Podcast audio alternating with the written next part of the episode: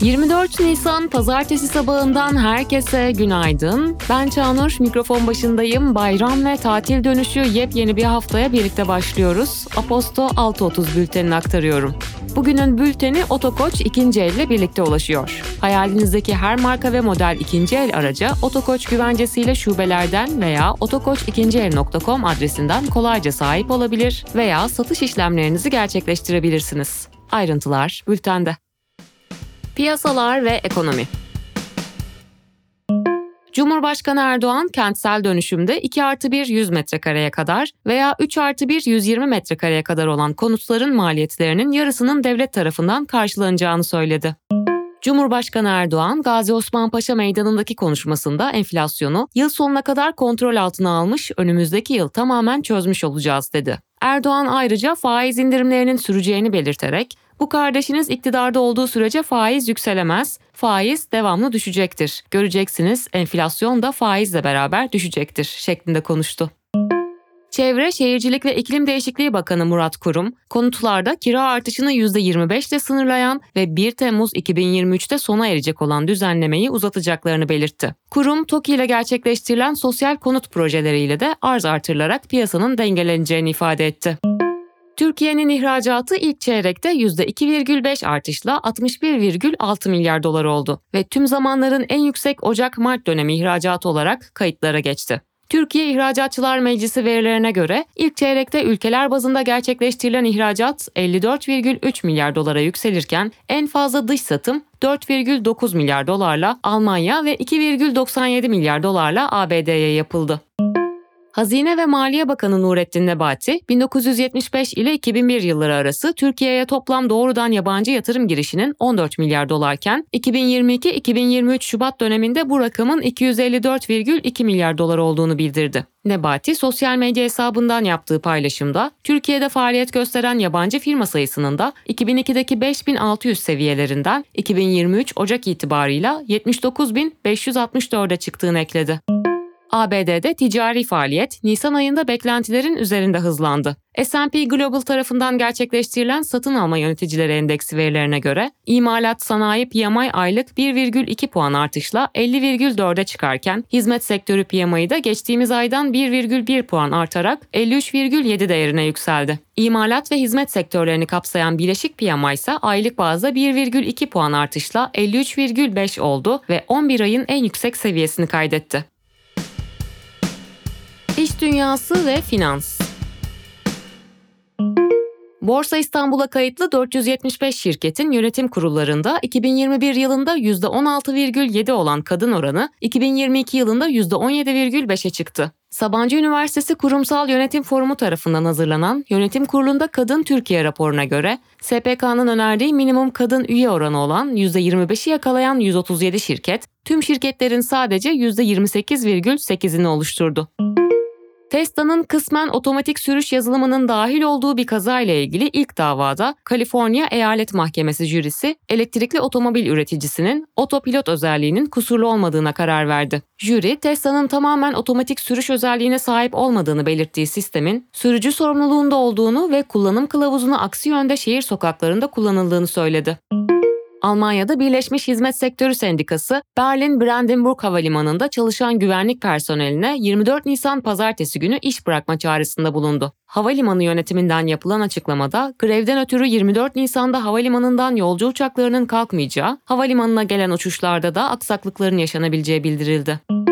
ABD merkezli tekstil ve ev eşyaları perakendecisi Bed Bath Beyond, ayakta kalmak için sermaye sağlayamamasının ardından pazar günü Chapter 11 iflas koruma başvurusunda bulundu ve tasfiye satışına başlandığını açıkladı. New Jersey Bölge Mahkemesi'ne yapılan başvuruda şirket hem tahmini varlıklarını hem de yükümlülüklerini 1 milyar ila 10 milyar dolar arasında listeledi.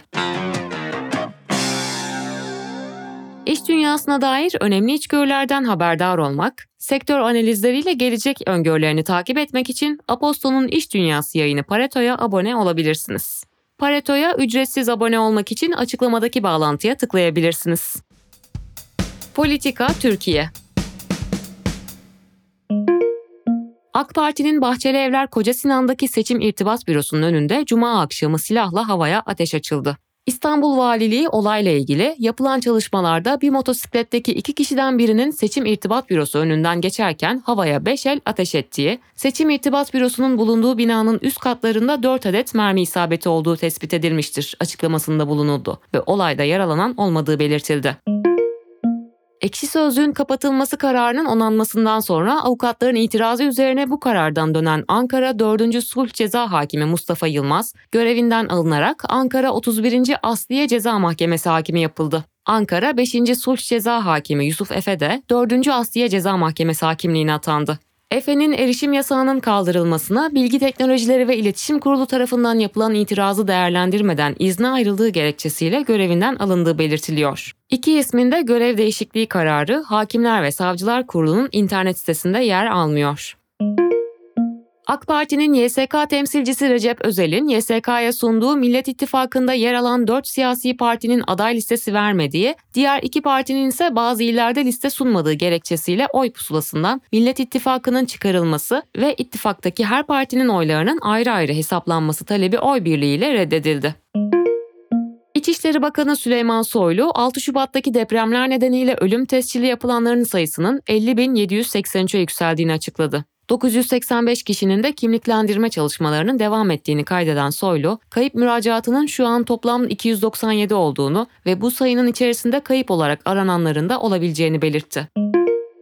Millet İttifakı Cumhurbaşkanı adayı Kemal Kılıçdaroğlu'nun Alevi başlıklı videosu 4 günde 29,2 milyon defa oynatılarak dünya Twitter tarihinin en çok izlenen videosu oldu. Yerini Kılıçdaroğlu'na bırakan artık tüm zamanların en çok izlenen ikinci videosu olan Lionel Messi'nin Barcelona formasıyla Atletico Madrid maçındaki çalımlarının yer aldığı video 25,6 milyon defa görüntülenmişti.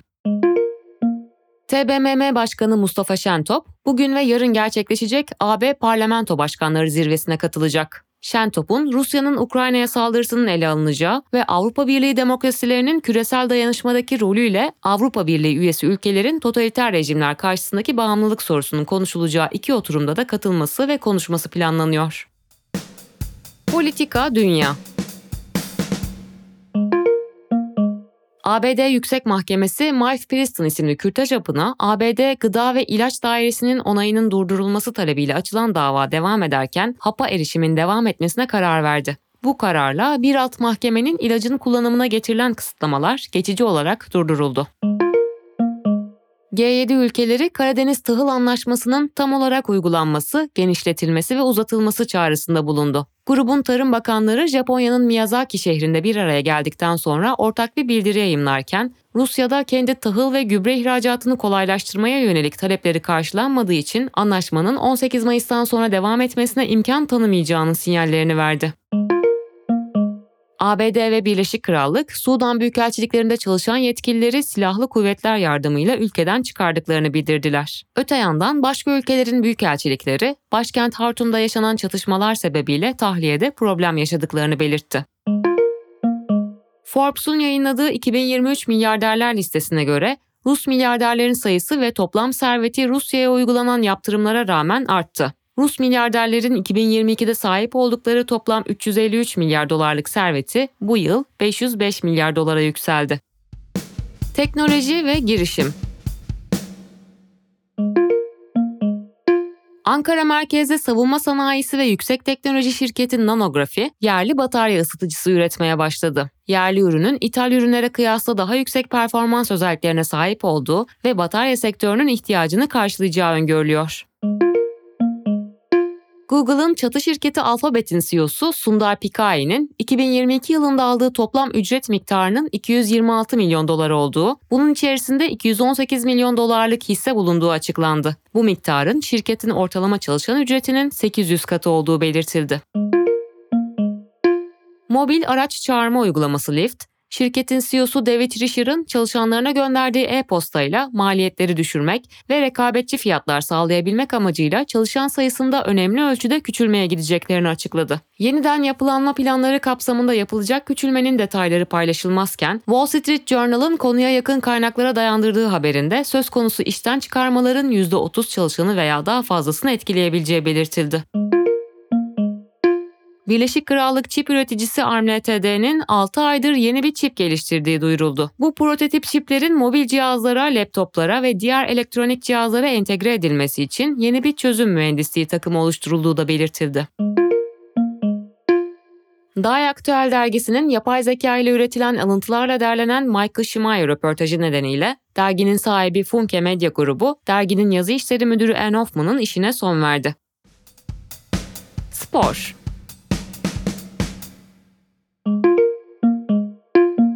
Sultanlar Ligi 26. maç gününde Fenerbahçe THY'yi 3-0 mağlup etti. Avrupa Halter Şampiyonası'nda kadınlar artı 87 kiloda mücadele eden Melike Günal, koparmada 110 kiloluk kaldırışıyla bronz madalya kazandı. Dünya Süper Spor Şampiyonası'nın 3. ayağı olan Hollanda'daki ikinci yarışı milli motosikletçiler Can Öncü ve Bahattin Sofuoğlu geçirdikleri kaza nedeniyle tamamlayamadı. Yarışta İtalyan Nicola Bulega ikinci olurken Federico Caricasulo ikinci, Stefano Manzi üçüncü oldu. Günün hikayesi Dünyayı çocuklara verebildik mi? TBMM'nin açılışının 103. yılında Türkiye Cumhuriyeti'nin kurucusu Mustafa Kemal Atatürk'ün çocuklara armağan ettiği 23 Nisan Ulusal Egemenlik ve Çocuk Bayramı'nın ardından aklımda şu soru belirdi. Türkiye'de çocuk olmak ne demek? Türkiye'de çocuklar neler yaşıyor? Durumları ne? Nasıl hissediyor? Tüm bu soruların içinde ilkini okurlarımıza da yönlendirdik. Hikayenin devamına bültenimizden ulaşabilirsiniz.